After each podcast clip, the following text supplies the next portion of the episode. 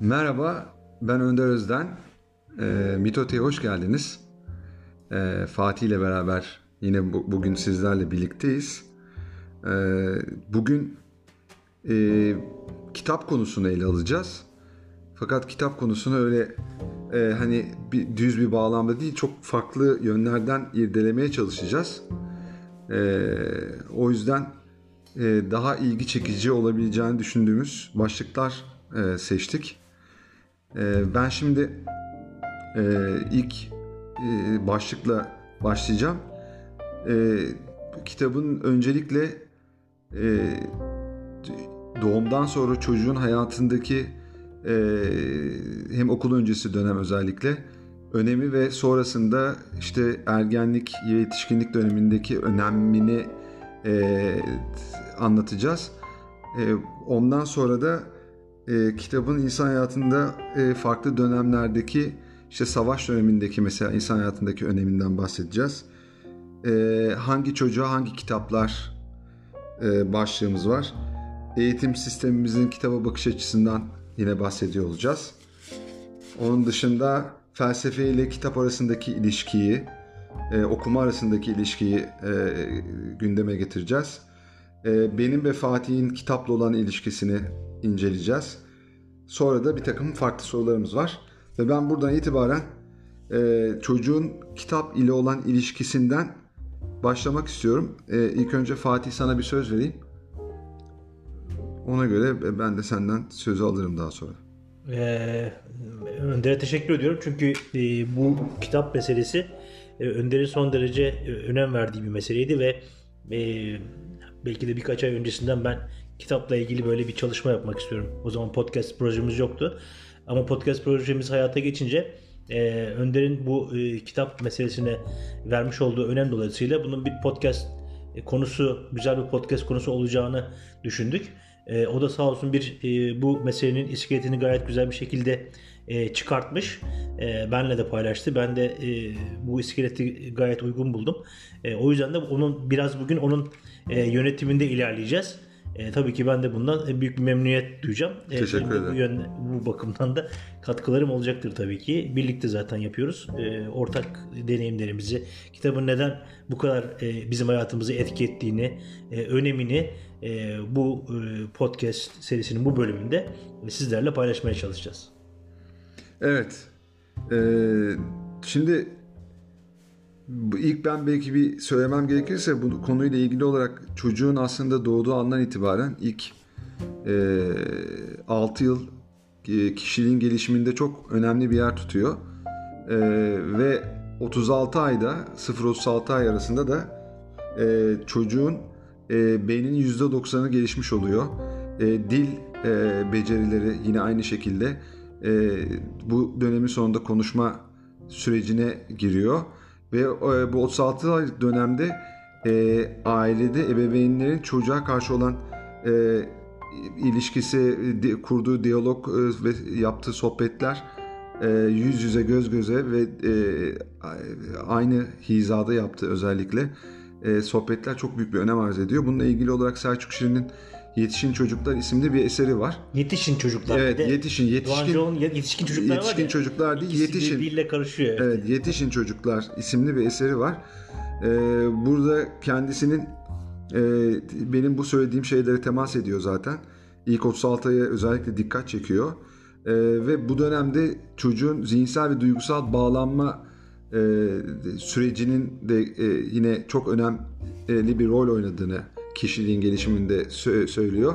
Ve bu bağlamda da e, çocuğa e, kitabın da e, özellikle her sayfada bir kelimeden ibaret olmak üzere 10 e, kelimeden oluşan 10 sayfalık bir kitap olması gerektiğini e, buna karşın Türkiye'de özellikle e, kitapların e, paragraflar resimli de olsa paragraflı şekilde çocuğun okuyamayacağı, o dönemde zaten okuyamıyor ama yani çocuğun ilgisini kaybedeceği bir e, şekilde e, kalem alındığını belirtiyor ve bu da tabii ki de e, çocuğun kitapla olan ilişkisini, o e, özellikle bağlanma şeyini, sürecini e, zora sokuyor. E, bu bağlamda bir araştırma yapılmış hatta.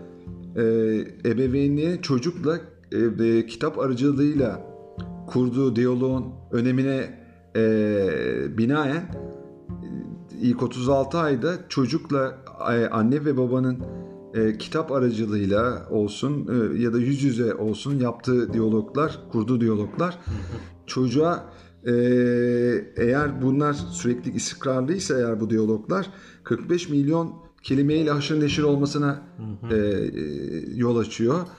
Ama işte kırsal kesimlerde, eğitimsiz ailelerde e, veya bu imkanı olmayan ailelerde, bu bilincin olmadığı ailelerde ya da okumuş olup da bu bilince sahip olmayan ailelerde e, ki çocuklar ise 15 milyonluk bir kelime haznesiyle haşır neşir oluyor ve bu bu tabii ki de bunun önemi okul dönemi başladığında ortaya çıkıyor.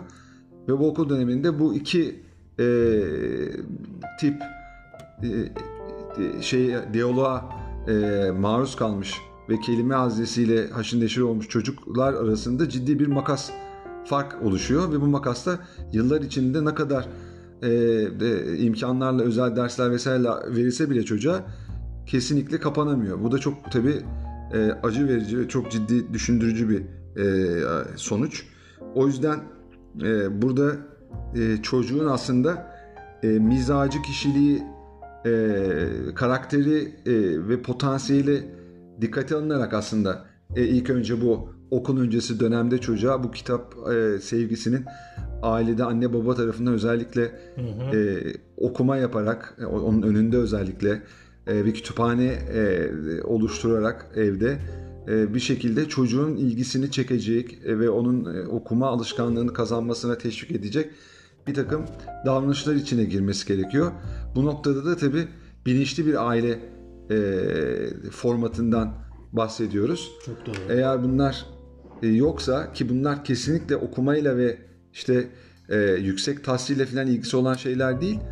E, e, bu tamamen bilinçli bir şekilde yapılması gereken. Bilinçli. Evet. Bir, e, bu konudaki bir, belli bir bilinç seviyesine seviyesi, sahip olmak. Bir iş bu yani baktığında. Evet. O yüzden bunu daha böyle bilerek, isteyerek ve e, bir takım e, içgörülerle, uzgörülerle e, yapmak lazım.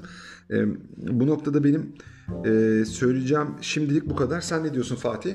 Ya ben şimdi yani bu kitabı yazarı Selçuk Hoca'dan çok kısa bahsedeyim. O da Tabii. New York Üniversitesi'nde yanlış hatırlamıyorsam öğretim üyesi Tabii. olarak çalışıyor. Ve çocuk psikolojisi evet. konusunda uzman. Benim dahil olduğum bir kitap kulübü var. Artsan Kitap Kulübü. Çok değerli bir kitap kulübü. Ee, onun e, kuratörleri arasında Selçuk Hoca da vardı. E, kendisi geldi ve e, özellikle bu kitabı e, orada konuştuk, tartıştık.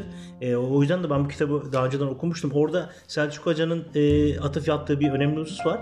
Yani özellikle 2 e, yaş civarında 2-3 yaş aralığında yanlış hatırlamıyorsam. Evet yine 0-36 ay. Işte. Evet 0-36 yaş, e, yaş aralığındaki e, çocuklar için ülkemizde e, oluşturulmuş bir kitap kültürü yok diyor. Yani evet. e, o e, daha çok resimleri içeren e, yazıların çok daha az olduğu e, kitapların senin dediğin gibi e, ailelerin yönlendirmesiyle çocuklara bu kitaplar yoluyla e, kitap sevgisinin e, aşılanması lazım ama e, bir, kendisi kitabında anlattığı e, veçile e, Türkiye'de bu yönde e, bu e, yaş aralığındaki çocuklar için özel olarak, olarak hazırlanmış kitapların olmadığından bahsediyor. Hatta kendisinin bu konuyla ilgili bir e, çalışması e, olacaktı. Bize kitap kulübünde e, söylemişti.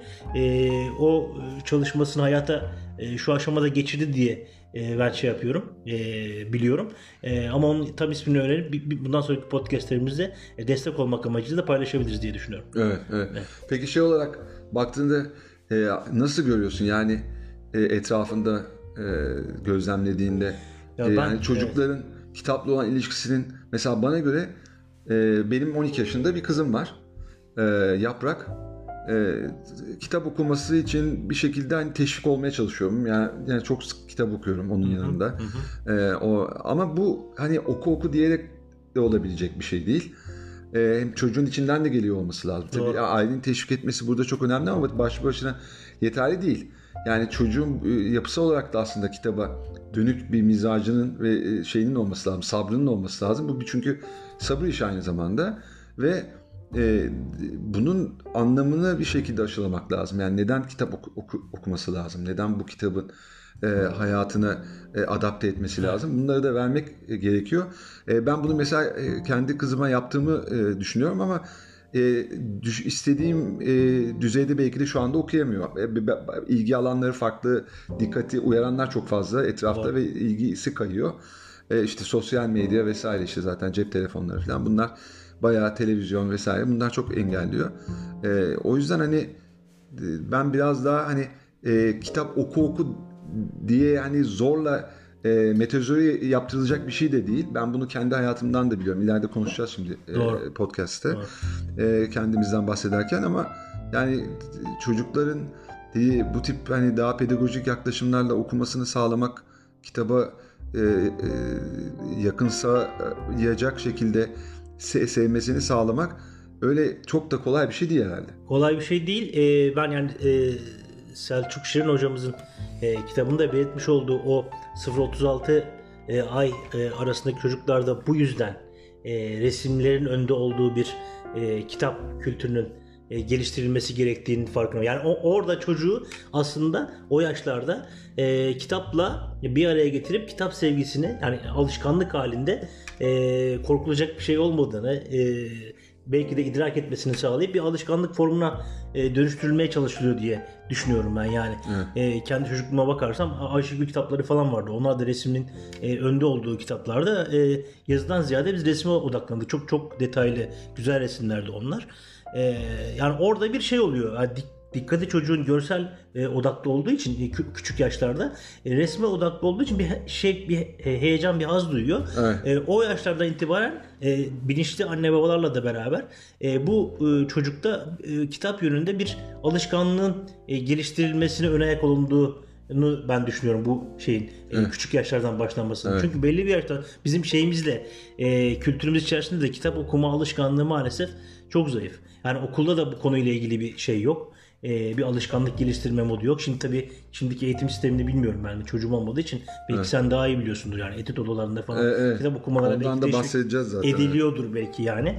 E, ama şey yok yani hep e, zorla e, yaptırılan işte senin faydanadır falan gibi e, okumanın e, işte senin yararına olacak bilgi öğrenirsin falan gibi bir takım şeylerle e, çocuklara e, zorla yaptırılan e, bir görev gibi e, algılandığını, verilmeye çalışıldığını ben gözlemliyorum. Kendi hayatımda da e, şey, bu oldu. E, o yüzden de şey oluyor yani bir baskı aracı gibi oluyor. E, çocuk bunun niye e, olması gerektiğini ayırdığına varamıyor. Hatta tabii bir de şu var yani eğitim sisteminde yani biz e, bizim zamanımızda dersleri alırken hani bu derslerin bize ne faydası var? Yani hiçbir hoca tarafından bize söylenmedi. Yani böyle bir kültürümüz yok aslında. Belki de oradan kaynaklı bir e, şey var. E, kitap okuma kitap okumaya karşı bir e, direnç. direnç var. Evet. Yani ne annem babam bana söyledi oğlum okula gidiyorsun orada şu dersleri okuyorsun ama sana şu faydası var o derslerin. Ne öğretmenlerimiz söyledi bunu okuyacaksın bu dersi alacaksın veya o okulunu bitireceksin. Dedim yani okulu niye bitireceğim? Yani o dersleri niye alacağım? O kitapları ben niye okuyacağım? Hani orada çocuk aslında bir kendi üzerinde baskı hissediyor e, zaten orada o baskıyla o anlamı e, aldığı derslerden hissedemediği için e, sen ilaveten de ders dışında bir kitap oku dediğinde e, belki o e, senin e, talebini de baskılanmış olarak bir baskı aracı olarak görüp e, ona karşı okumaya karşı bir direnç geliştiriyor olabilir diye düşünüyorum ben sanki. Bir nedenler birisi bu, bu olabilirmiş gibi geliyor bana. Evet. Şimdi burada e, e, diğer başlıklardan biri eğitim sistemimiz içerisinde kitabın önemi ve rolü idi. Sen girdin. Orada Şimdi tabii bizim e, kitaplarla ilgili e, bahsetmeden geçemeyeceğimiz e, darbe dönemleri var Türkiye'de. Hı hı. Bu dönemlerde işte sağ sol çatışmaları vesaireler. Hatta kitap zararlı bir şeydir. A- aynen zararlı yani işte e, komünist insan bilmem ne deyip e, şey toplatılan, yakılan toplatılan e, kitaplar yani, vesaireler e, dönemi de var.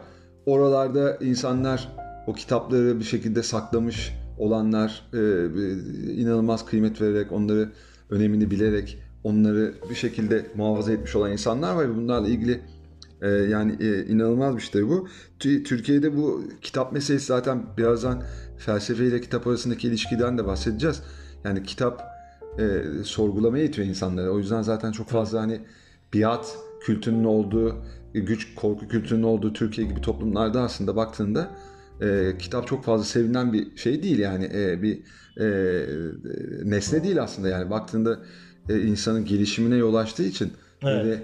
ve, ve kuşku duymasına e, yol açtığı için çok da e, arzu edilen şeyler değil.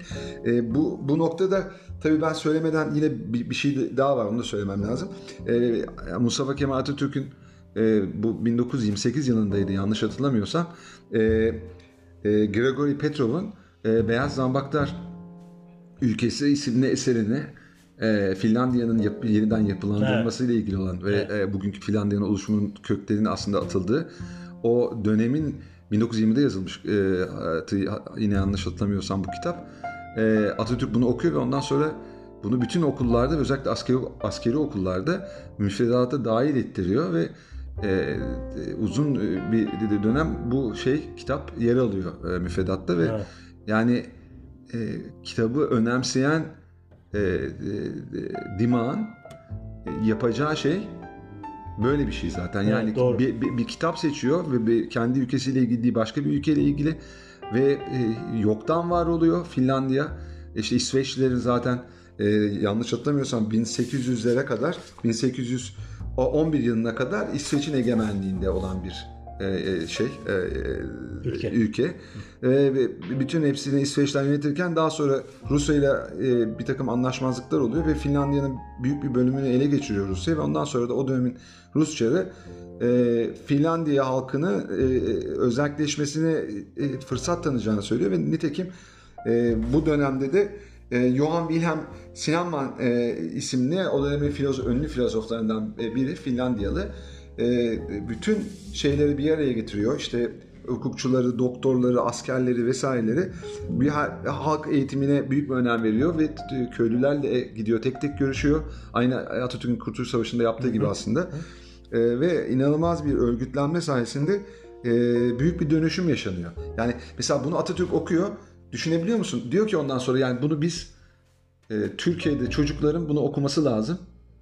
Ve derhal bunu 1928'de 8 yıl sonra hemen o kitabı 1920'de yazılıyor. e, Yayınlanıyor ve alıyor ve okuyor ve ondan sonra 8 yıllık süreç içerisinde e, Türkiye'de Türkçe'ye çevirtiyor ve ondan sonra okullara e, şey yapıyor. Dağıttırıyor. Ve yani işte 1940 yıllarında açılan işte köy enstitüleri meselesi de mesela onun projesi. Projelerinden biri. İsmet İnönü de var onun içinde. Ve o inanılmaz işliyor bir, bir tarihe kadar. Can Yüceller falan hep oradan yani baktığında. Ama e, e, temeli işte bu kitap meselesi. Yani o, o, o kitabın e, ülkeyi, insanı öncelikle sonra işte toplulukları, sonra toplumu ve ülkeyi dönüştürmesi, sonra dünyayı e, e, Tabii ki, dönüştürmesi mümkün olabiliyor. Tabii, yani tabii. ama bu tip bir zihniyet işte. Yani bugün de o zihniyet olabilse biz çok daha ileride olurduk. Biz bilinci aslında. Belki Biz programlarımızın birinde bir biz bilincinden e, bahsedebiliriz. e, yani. şeyde dedik yani e, gelişim odaklı değerler kültürü dediğimiz o kültürün aslında filizlendiği ortamların olması lazım. Tabii. E, çocuğun okul öncesi döneminde şunu yap filan diyoruz biz burada belki ama bu zihniyet olmadığı sürece aslında e, Tabii, evet, doğru. her şey aileden başlıyor. Önünü temiz silmekten yani kapının önünü ilk önce temiz tutmaktan başlıyor ama e, bu bireysel olmaktan çıkıyor sonra kolektif bir aile dö- e, geliyor ve o kolektif düzeyde aslında e, yine devletin e, kurduğu sistemin aslında buna e, olanak sağlıyor olması lazım ve bunu itiyor yani buna teşvik ediyor olması lazım. Doğru. Okullar düzeyinde Doğru, öncelikle. doğru, doğru E, söylüyorsun. yani o bakımdan bu da çok önemli yani bak Evet, benim, öyle. benim şeyime göre. Peki Yani aile artı okul diyoruz abi. Aile artı işbirliği içerisinde olması Tabii, lazım tabii. ve onların da o bi- bilinç seviyesinde kitabın e, çocuklar tarafından okunmasının ne kadar önemli olduğunu, toplum gelişimi ve senin dediğin olduğun biz bilinciyle beraber e, kültür altyapısının da e, bilinçlenmesinin ne kadar önemli olduğunun farkına vararak bir işbirliği içerisinde bunu bu sevgiyi e, çocuklara e, vererek tüm topluma yaygınlaştırması lazım. aynen. E, peki buradan şuna e, gelelim. Peki hangi çocuğa hangi kitaplar? Gayet net bir soru bence. Hangi çocuğa hangi kitap? E, yani her çocuğa her kitabı okutabilir misin? Veya çocuk kitapları arasında bile baktığında e, bunları bütün o çocuk kitaplarının hepsini okumasını bekleyebilir misin? Ya da Evet. bazı çocuklar inanılmaz hiperaktif oluyorlar. Bazılarında hakikaten e, biyolojik e, temelli bir takım şeyler oluyor. Yani elinde değil, e, dikkat dağınıklığı var vesaire. E, o çocukların kitap okuması mümkün değil. Yani kitap okumayı zorlamak ya da bir şekilde yani bunlar e, çok tabii pedagojik altyapı Yani gerektiren pedagojik şeyler. altyapı gerektiriyor. Yani bir, bir şekilde çocukların yani bana göre e, mizacı kişiliğe uygun kitaplar üzerinden gitmek lazım. Yani e, iyice anne babanın çocuğunu tanımaya çalışması, bilinçli bir şekilde anlamaya çalışması ve onun potansiyeline uygun olan kitaplarla buluşturması lazım ve bunun için de e, aktif bir çaba içinde olması lazım. Yani böyle uzaktan gözle, gö- Çok gözlemleyen değil sadece doğrudan çocuğun elinden tutarak onu kitap e, evlerine götürüp e, hatta belki yayın evlerine götürüp oralarda bu işler nasıl yapılıyor falan bak böyle bir şeyden çıkıyor süreçten çıkıyor bir kitabın oluşması ve şey yapması. Bunları yerinde göstererek belki de hani kitabı e, kitap sevgisini aşılamak lazım. Ha bunu ben bugün tam anlamıyla kendim bile yapıyorum. Yap, tam anlamıyla yapmıyorum. Yani o ya da bu nedenle hata, hatalıyım bence. Eksik bir şey e, e, yanım bu belki ama ne yapılması gerektiğini en azından e, ide olarak burada söyleyebiliyorum şu anda ve e, bir şekilde e, o çocuğun e, sadece oku oku diye bir şey baskılanmadığı ve daha çok onu e, sev, ne sevdiğini an, an, anlayabildiği anne babanın bir e, e, süreçten geçirmesi lazım. Yani ve ondan sonra gidip o çocuğa o e, kitapları okutması lazım. Bazen resimli de olabilir bunlar. E, düz Yaş kategorisini bir kere Tabii yaş kategorisini ayarlamak lazım. Bir de dediğin gibi yani çocuğu iyi gözlemleyip nelerden hoşlandığının e, farkına iyi varmak, ayırdığına iyi varmak lazım. Tabii şey de yani e, bir bilgi çağında yaşıyoruz.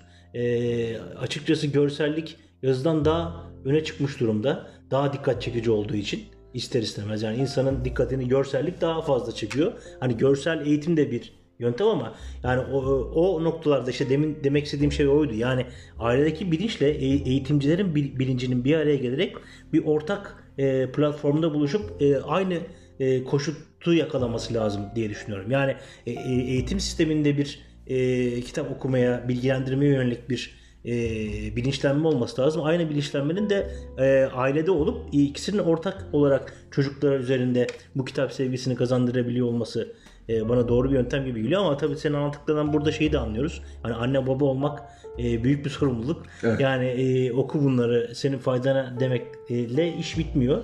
Yani belki de bir pedagojik e, destek de almak lazım veya okulda böyle bir şey olması lazım. Yönlendiren bir rehberlik kurumunun e, olması lazım. Onun da sırf sadece çocuklar nasıl sınav kazanır, sınav sistemi falan gibi değil. Yani çocukları e, daha iyiye yönlendirebilecek bu okuma alışkanlığı nasıl kazandırılır? E, onun da rehberliğinin verili olması lazım belki. E, bu noktada şey söyleyeyim hemen. E, diğer konuya geçmeden önce e, mesela e, Yaprağın kızımın okuduğu okul özel bir okul. Hı hı. Orada e, etüt gibi böyle e, etüt de değil aslında yanlış oldu. Etüt, etütler var ayrıca e, yani eksik hissettiği e, eksik kaldığını hissettiği derslerle ilgili etüt al- alabiliyor. Bunlar bir sürü okulda var. Yalnız bir saati mesela okul yani mesela 8 saat varsa okul e, e, günü içerisinde e, o bir saat ders olarak etüt değil e, kitap okumaya ayrılmış durumda. Hı. E, bu çok iyi bir şey tabii. Çok güzel, E, bu çok, çok iyi bir şey.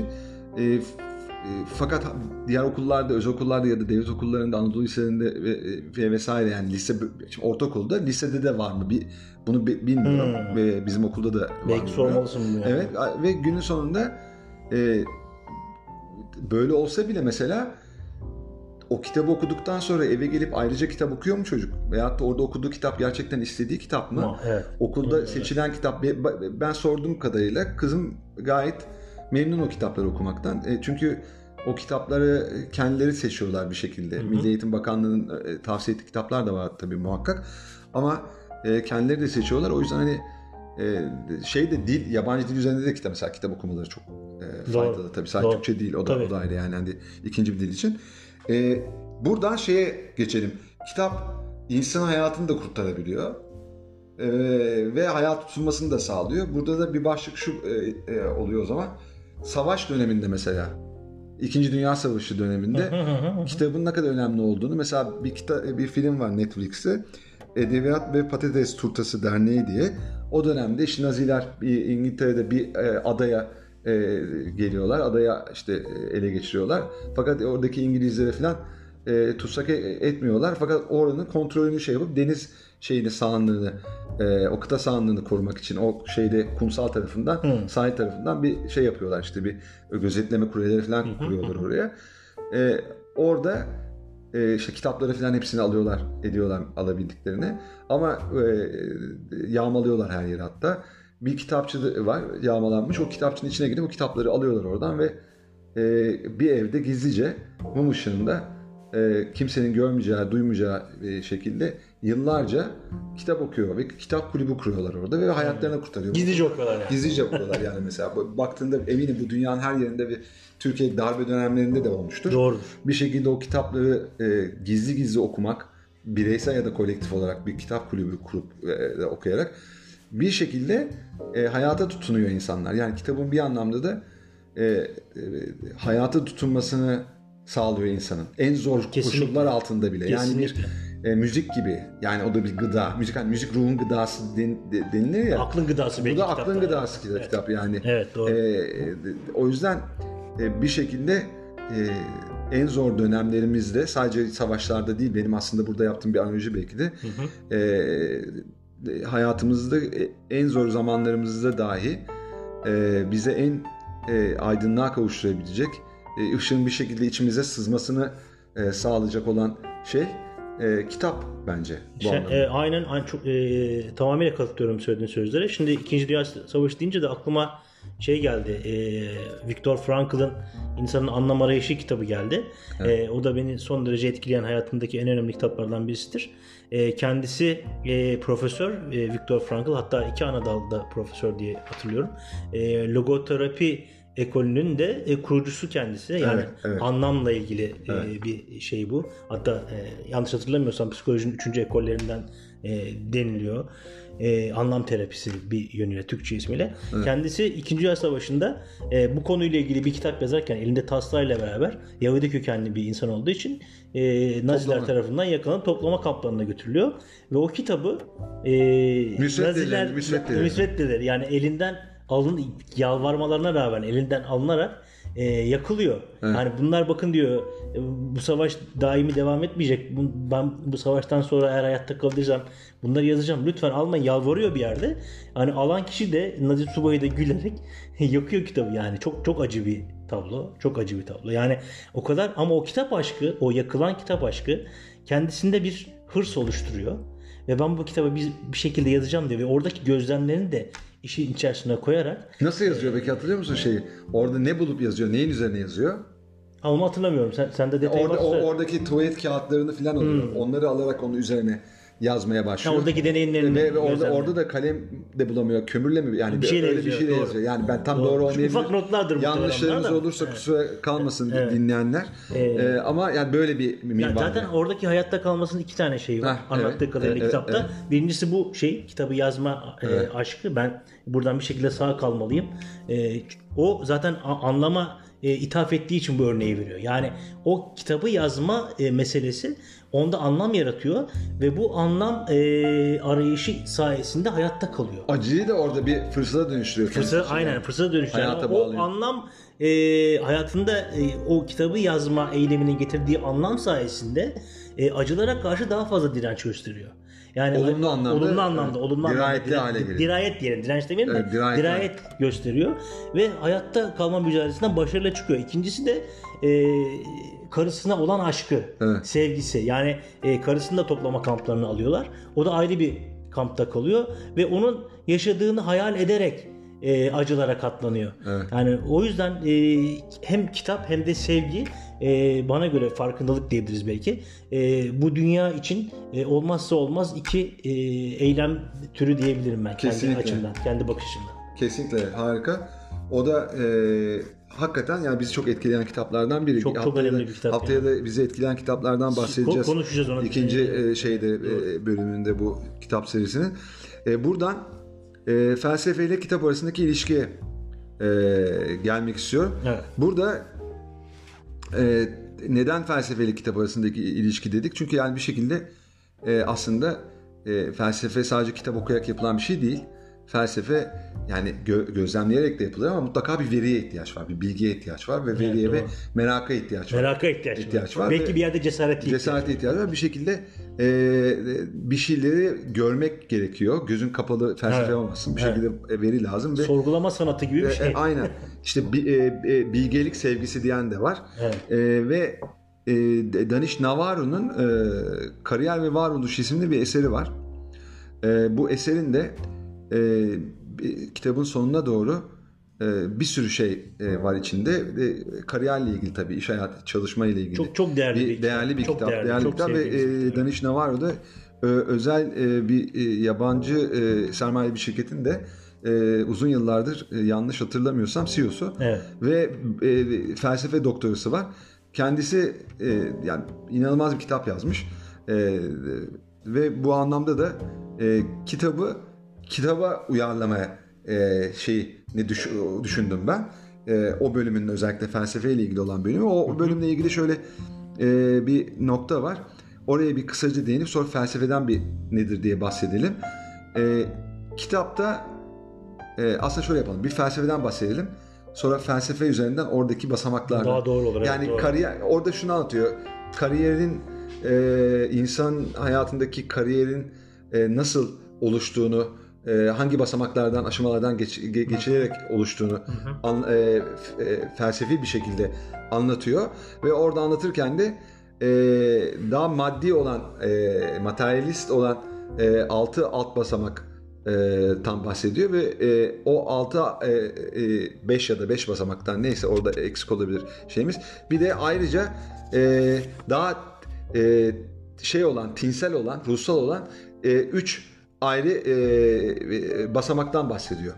Bu basa- 5 artı 3. 5 artı 3 Doğru. aslında. Bu daha doğru. Bu e, bu e, basamaklarda e, günün sonunda e, felsefeye geliyor basamaklardan biri ki ondan bahsedeceğiz ve felsefede e, kısaca tanımlamamız gerekirse Hegel'in dediğine e, göre kendini bilinçli hale getiren düşüncedir diyor. Evet. E, Danish Navarro kitabında e, yani çok boyutlu düşünme dediğimiz e, olayların, olguların işte görünürdeki yapıların ötesini araştıran, sorgulayan, neden sonuç ilişkilerini çözümlemeye çalışan e, ve bir olayın eylemin ya da meydana gelmesinde rol oynayan tüm kesitleri birbirine örüntü kurarak illiyet rabıtası dediğimiz neden sonuç ilişkisiyle ortaya koyarak e, ilk nedene ulaşma çabasıdır diyor. İlk nedene, kaynağına inme çabasıdır. Ve e, benim yine dinlediğim çok e, ünlü bir e, felsefe profesörünün söylediği gibi aslında felsefe e, öğrenilebilecek bir şey değil. Burada e, felsefe diyor ki yapılacak bir şey. Felsefe yapabilirsin. Ve felsefe bilimden farklıdır çünkü bilimde nesnellik vardır. Yani değişmezlik vardır ama felsefede bu yoktur. Felsefe her fi- filozofun farklı aynı konuyu farklı şekilde anlatabilir. O yüzden o bir eylemdir. Yani felsefe eylemi eylemdir bu der. Bu eylemi bizim buradaki hedefimiz felsefenin buradaki e, e, işte e, sorgulayan, araştıran, neden sonuç ilişkisi kuran, derinlemesine inen, refleksiyon dediğimiz içine dönerek derinlemesine düşünme eyleminin içine giren insanın, varlığın yani öznenin e, kitabı sevmesinin nasıl mümkün olabileceğini bu kariyer hayatındaki aşamaları örnekseyerek bir şekilde kitap e, okumaya adapte etmeye, kitap e, se- sevgisine e, adapte etmeye çalıştık. Ve burada da şöyle bir şey çıkıyor ortaya. İlk başta e, kitap sevmeye yönelim denen bir basamak var. Birinci basamak. Bir şekilde ona yönelmen lazım. Belki de bu 0-36 ayda Selçuk Hoca'nın dediği şeyde anne babanın üzerine düşen yükümlülüklerden en önemlisinden birisi bu. Yani çocuğu kitap sevmeye yöneltme. Evet, yönel- kitaplar. Aynen aynen. Evet. Mesela sevmeyi yönetme. Bu sonraki e, şeylerde de tabii yıllarda da devam edecek olan bir şey Tabii. ama o dönemde O dönemde. o dönemde kariyer hayatında olduğu gibi kitapta da aslında bakarsak e, bir şekilde e, çocuk ya da ergen hangi kitapları seveceğini veya neyi seveceğini tam olarak bilemiyor Doğru. bir şekilde bir e, yönelim bir şey var aileden gelen olması gerekenden bahsediyoruz şu anda. Evet. Aileden gelen bir şey var. E, e, örnek olma e, durumu var. E, olumlu bir aile örneği bu tabii bizim verdiğimiz. Ve çocuk bir şekilde se- se- sevmeye yöneliyor. Sevme eğilimi oluyor kitaba. Bir aşinalığı oluyor vesaire. Ondan sonra onun üzerinden o e, yönelmeyle bir şekilde kitabı eline alıp kitaplara karıştırmaya başlıyor. Ne var ne yok falan diye. Ve orada belli şeyler ilgisini çekiyor. Kimisi Doğru. düz yazı sever, kimisi Doğru. resimli yazılı sever. Kimisi Tomix Texas sever. Doğru. E, o kitaptan sayılmazdı ama bence onlar da bir şey. Yo, ben- ben değer veririm Yani onlara, tabii o- ayrıdır yani. onlar da Onların çok kültürü ayrıdır yani. Evet. Ve orada da e, o yönelim sonucunda bir şekilde kitap okumayı istiyor. İkinci aşama da bu. İsteme aşaması. Evet. Bir şekilde istiyor. Ondan sonra istediği şeyle ilgili bakıyor ki o ben yani yani okuyorum ya falan bu yani işte 30 sayfalık kitap bitirdim 60 sayfalık hatta şu konu ilgimi çekti ama bu çekmedi bunu bırakayım şu konuya daha ağırlık vereyim falan demeye başlıyor ve ondan sonra e, istemeden sonra deneme de- dönemi başlıyor. Kitap okumayı deniyor işte daha çok kitapları karıştırıyor ediyor falan sonra işte sevme dediğimiz e, dördüncü e, basamağa e, geliyor. Ve orada orada artık diyor ki ben diyor tamam diyor artık ben kitap ok- oku- okuyorum artık ben yani kitap benim hayatımın bir parçası ve ben bundan gerçekten bir şeyler öğreniyorum. benim hayatımı zenginleştiriyor, e, sorgulatıyor, her şeyi olduğu gibi kabul etmemi bir şekilde engelliyor, e, kuşkucu yaklaştırıyor olaylara ve e, daha akılcıl, bazen daha duygusal ve du- duyusal yaklaşmama yardımcı oluyor diyor ve e, bunu seviyor. Ondan sonra e, eyleme geçme noktasına geliyor. Eyleme geçtiği noktada da artık kitaplar e, no- e, hayatında e, daha onu bir şekilde e, hayatının e, yolunu, güzergahını belirler hale geliyor aslında ve o güzergahı seçiyor ve bu belki de gelebileceği normalde de Türkiye'de kitap okuyanların ve sevdiğimizi düşündüğümüz, sevdi, kitap okuduğunu, okumayı sevdiğini düşündüğümüz insanların da geldiği son aşamayı temsil ediyor. Kariyer hayatı da böyle. o kitap okumayı e, seviyor ve kitap okumayı eyleme eyleme geçerek o, O- noktada hatta alışkanlık hatta haline. alışkanlık haline getiriyor fakat orada kalıyor. Artık onu tam okuyor ama o, o noktada o kitaplar işte mesela roman okuyor vesaire veya tarih e, e, po- politika okuyor vesaire ama o okumada bir şey eksik. O ilk beş aşamanın son aşaması bu. İşte eyleme geçti vesaire sevdi etti ama bir şey eksik. O eksik olan şey altıncı e, basamak olan e, ve daha tinsel e, yana geçen artık olayı hayatının odağına ve orada bir aşkla ona bağlandığı bir döneme geçiyor ve orada bu refleksiyon dediğin artık kendi içine e, dönerek daha derinlemesine okuduğu kitapları üzerinde düşünmeye başlıyor. Bizim bu ilk programımızda e, kendiyle yüzleşme dediğimiz şeyi aslında kitap orada Aynen. destekliyor. Aynen kendisiyle yüzleşir ve hayatına bunu adapte eder ve ettiğinde de hayatına adapte ederken artık yani bir şekilde bunu e, daha ileri düzeye hayatında daha anlamlı, daha e, tatminkar bir e, yaşam e, Biçimine. e, biçimine yani yaşamı e, deneyimlemeye doğru götürecek bir hale sokuyor ve buradan itibaren de derin sevme ve derin eylemleme durumu e, ortaya çıkıyor ve burada da gördüğümüz şey şu bir şekilde hakikaten e, insan artık e, en doğru ifadeyle şunu diyebiliriz yani kendi o dünyasını özne- öznel dünyasını aşarak e, fizik, zihin, yürek ve tinsel e, bütün bütünlükleriyle topluma mal olabilecek bir düzeye getiriyor. Yani kitap yazıyor. O kitapların dışında e, insanlara e, kitaplarını anlatıyor. Farkındalık yaratıyor. Farkındalık yaratıyor. E, Bilgiyi paylaşıyor. e, mind shift ediyor yani e, düşünce biçimini değiştiriyor.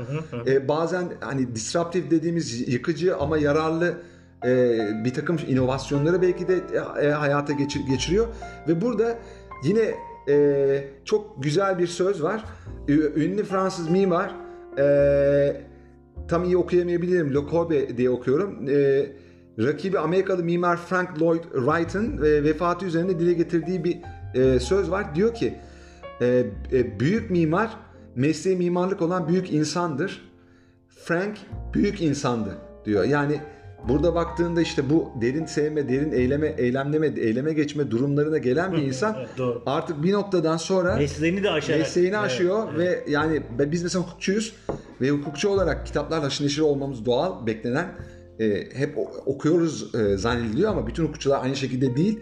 ama bir hukukçu sadece hukuk kitaplarına değil, biz her şeyi okumalı, bağlantı kurmalı. Bununla ilgili senin söyleyeceğin şeyler muhakkak var şu anda. Doğru. Eminim.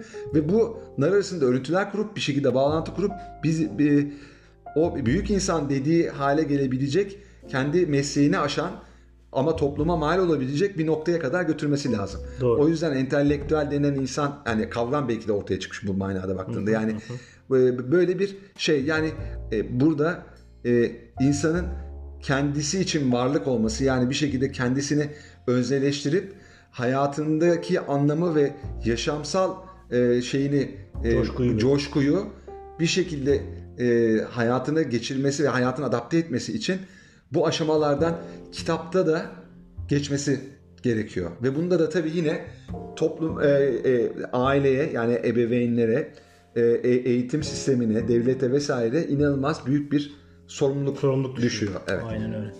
Ya ben burada şunu söyleyeceğim. Yani demin e, felsefeyle girdik bu konuya. Felsefe yani insan olmanın bir gereği olarak ben yani bu niteliyorum, yorumluyorum. Yani e, çünkü sorgulama, düşünme insan yetisi. Yani hayvanda olmayan bir e, yeteneğe biz sahibiz.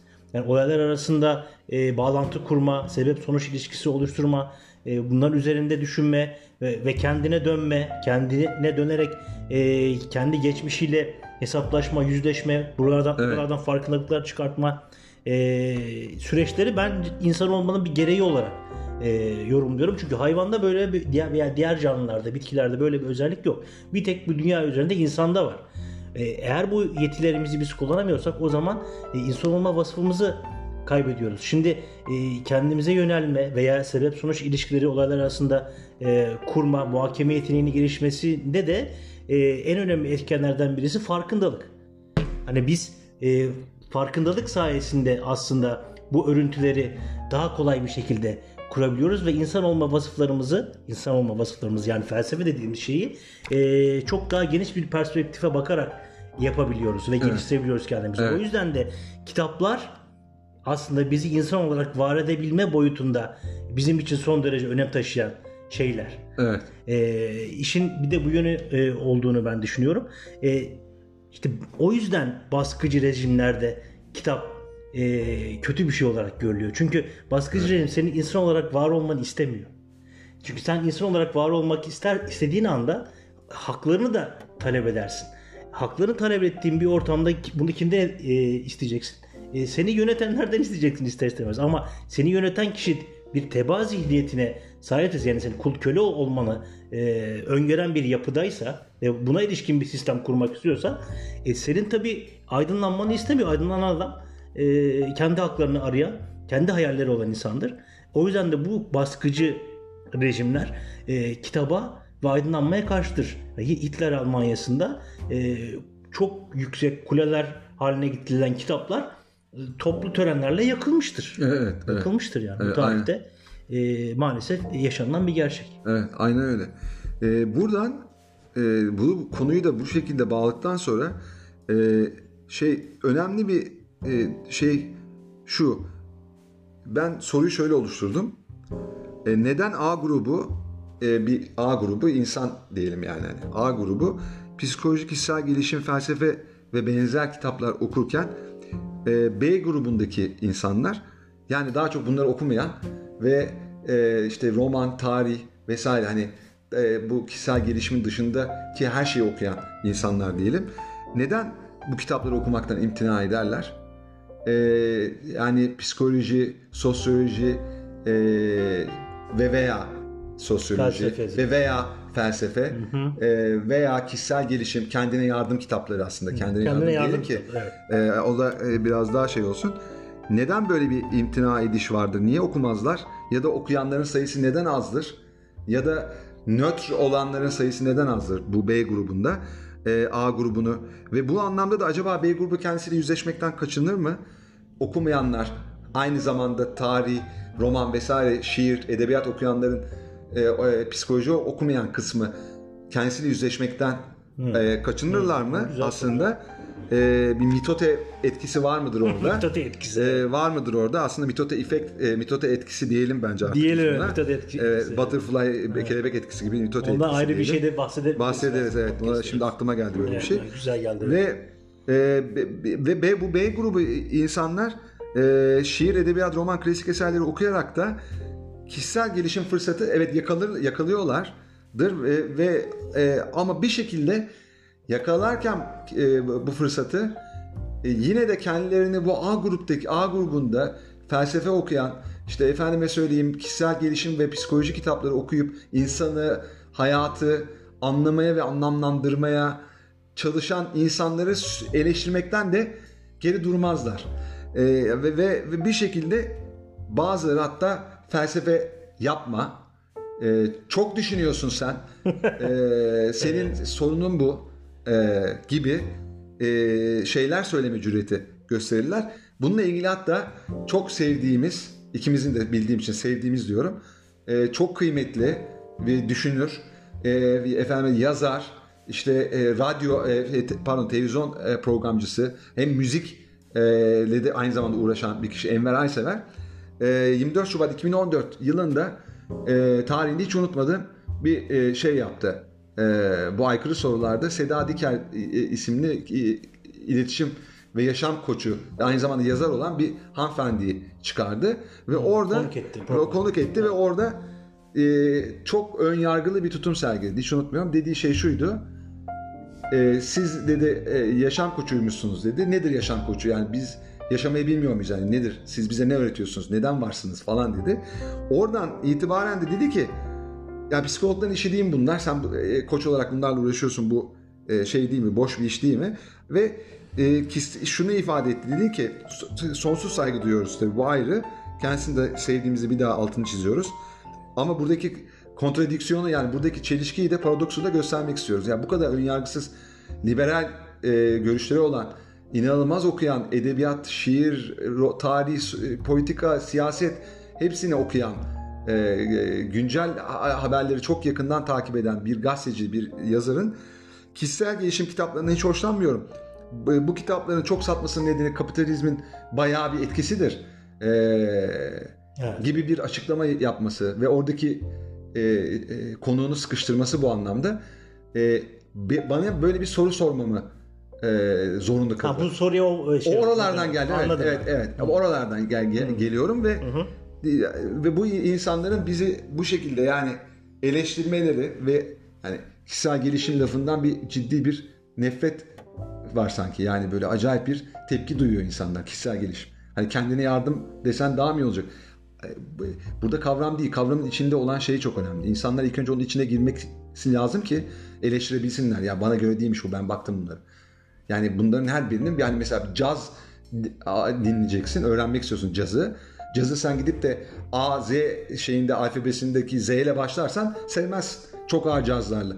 Ona göre cazın bir şeyi vardır yani belli bir e, Evet. tandansla gidersin. Yani bütün bütün şey böyledir. Yani kitapları da öyle okuyarak e, ağırlarına doğru gidersin. Kolayından ağırına doğru gidersin.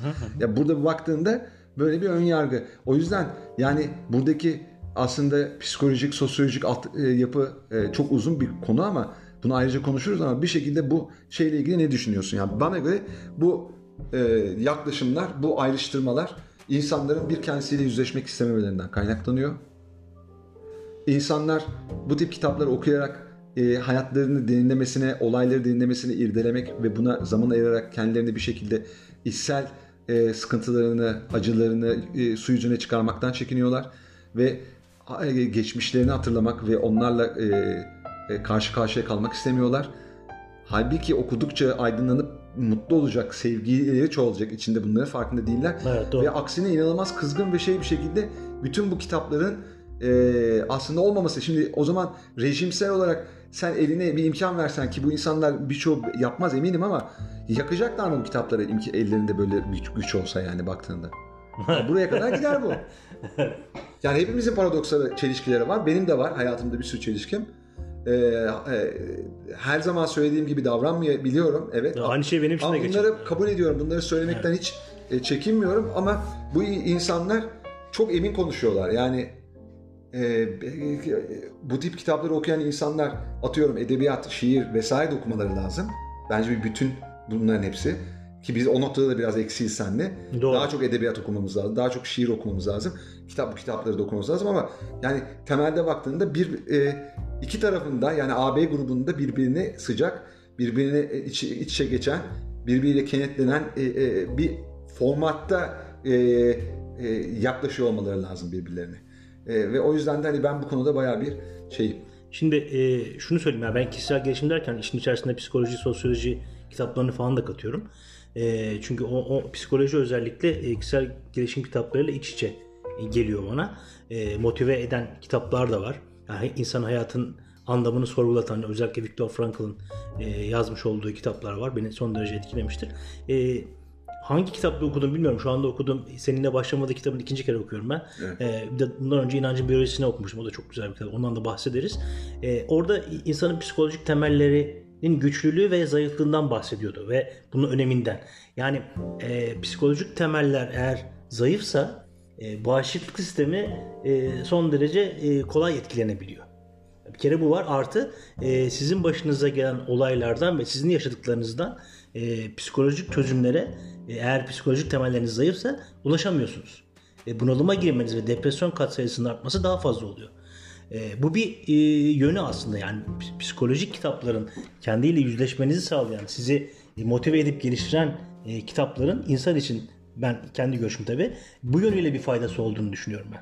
Kendi hayatımdan gözlem. Çünkü e, ben mesela e, ilk okuduğum kişisel gelişim kitabı e, hayalleri olanlar asla uyumazdı. Batman City diye yıllar önce okumuştum. Onu da anneme verdim. E, Annem o kitabı okudu, etkilendi. E, yıllardır içinde olan resim merakını e, eyleme dökerek e, geliştirdi ve şu anda e, çok başarılı bir res- ressam haline geldi. Kaç tane kişisel sergi açtı. Yani bu bir örnek. E, iyi yönde etkileyebiliyor bu kitaplar. E, ikinci kitapta e, Doğan Cüceloğlu'nun e, içimizdeki çocuk kitabıydı mesela. Yani e, oradan ben çok etkilenerek kendi psikolojik temel e, yapımı güçlendirdim ve e, kendimde olan sorunların, ailemde ve toplumda olan sorunların temel altyapılarını e, direkt olarak o kitapta gördüm ve öğrendim. Ha, bu bende bir rahatlama da sağladı yani ister istemez. Çünkü sorgulayan bir yapıysanız e, sizde bir takım sıkıntılar olduğunu farkına varıyorsunuz. E, depresyon boyutu da işin içerisindeyse e, bu kitaplar size en yakın yardımcınız oluyor. Zaten e, kendimin e, bu e, edebiyat, şiir veya klasik e, roman türü kitaplara e, biraz daha uzak kalmamın sebeplerinden birisi de bu. Çünkü e, benim hep arayışım kendimi tanıma arayışıydı.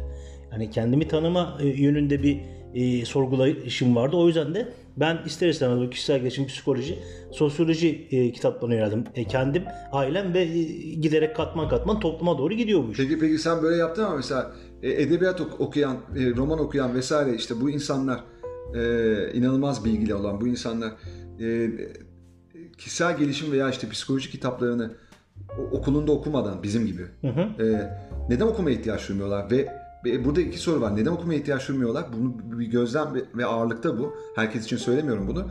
Ve neden e, meslekten olmayan bizim gibi işte koçluk yapan e, ama işte e, kişisel gelişim e, eğitimleri veren insanları ve yaptıkları ve okuduklarından dolayı eleştirme hakkı, hakkını kendinde buluyorlar. Ya ben e, iki nokta. Yani burada şey var tabii yani süreç itibariyle işte spiritüel yayınlar veya takım spiritüel bilgiler veren insanların bu işi kötüye kullandığına dair örnekler var. Bundan et- etkileniyor olabilirler.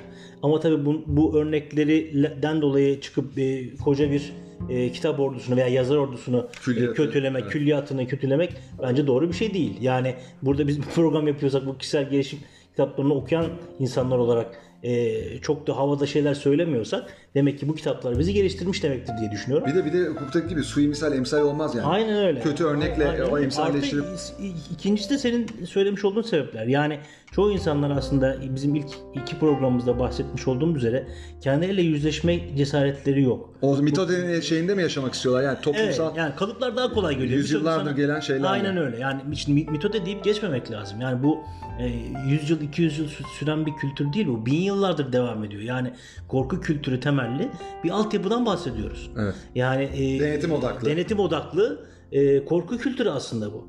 Yani mitotenin e, temel altyapısını bu oluşturuyor. Yani bunun da farkına varalım. Bu, bu kalıp oluşturan bir kültür, kalıp oluşturan bir yapı.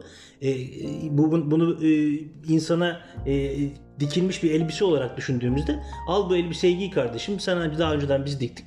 Senin e, bunu en baştan dikmene, yaratmana gerek yok. Bu mücadeleye girme. E, üretilmişi senin için dikilmişi var. Al bunu giy demek. Yani bu kalıpta devam etmek e, daha doğru geliyor, daha kolay geliyor. Doğru değil de daha kolay geliyor insanlara. Peki saçma bulunması nasıl? Yani kötü örnekleri bir kenara, kenara koy. E, bu kadar entelektüel bir e, e, kapasitenin ve bu tip kitapları vesaireleri yani genel olarak baktığında sınıflandırarak işine layıkıyla yapıp bunları okuyup çalışan, kendini geliştiren insanları da aynı şeyin içine sokmasının şeyi nedir? Ya da bir... evlerde, ailelerde çocukları a, a, e, anne babaların e, bu tip kitaplar okuduğunda felsefe yapma gibi çıkışlarda bulunmalarının e, sebebi nedir? Yani ya da ukalalık yapma bana gibi. Hani bir şey doğru söylüyorsun ve hatta belli bir e, zihinsel e, fitreden geçirmişsin sen onu. Üzerine düşünmüşsün e, ve ondan sonra bir yorum yapıyorsun ve o yorumla aslında karşındaki insanın e, niyetini ortaya koyuyorsun. Bu gizli niyeti ortaya çıktığı için sinirleniyor ve belki de seni e, e, akıllı buluyor bu noktada ama kabul etmek istemiyor ve bir şekilde evet. kalasın sen sus diyor. Evet. Konuşma sen diyor. E, ve o noktada sen yani ya da başına ne gelirse bundan geldi deniyor. Hani bunlar senin hayatında belki kötü gibi gözüken süreci ve bu 10 yıllık bir süreç bile olabilir. 11. yıldan itibaren okudukların sayesinde, o birikim sayesinde çok iyi bir e, istikamete e, yöneltiyor. Doğru. Ve sen 11. yıldan itibaren çok daha iyi günler yaşamaya başlıyorsun. Ve o zaman da geliyor diyorlar ki yani aa hakikaten sen bu kitapları okumuşsun. Biz anlamamışız herhalde senin ne yapmak istediğini. Ve bu insan e, ve, ve aslında saçma değilmiş yani sen hakikaten bunlarda bunları okuyarak kendi hayatında bir yön verdin ve kendini e, çok daha iyi bir insan haline getirdin de diyebiliyorlar.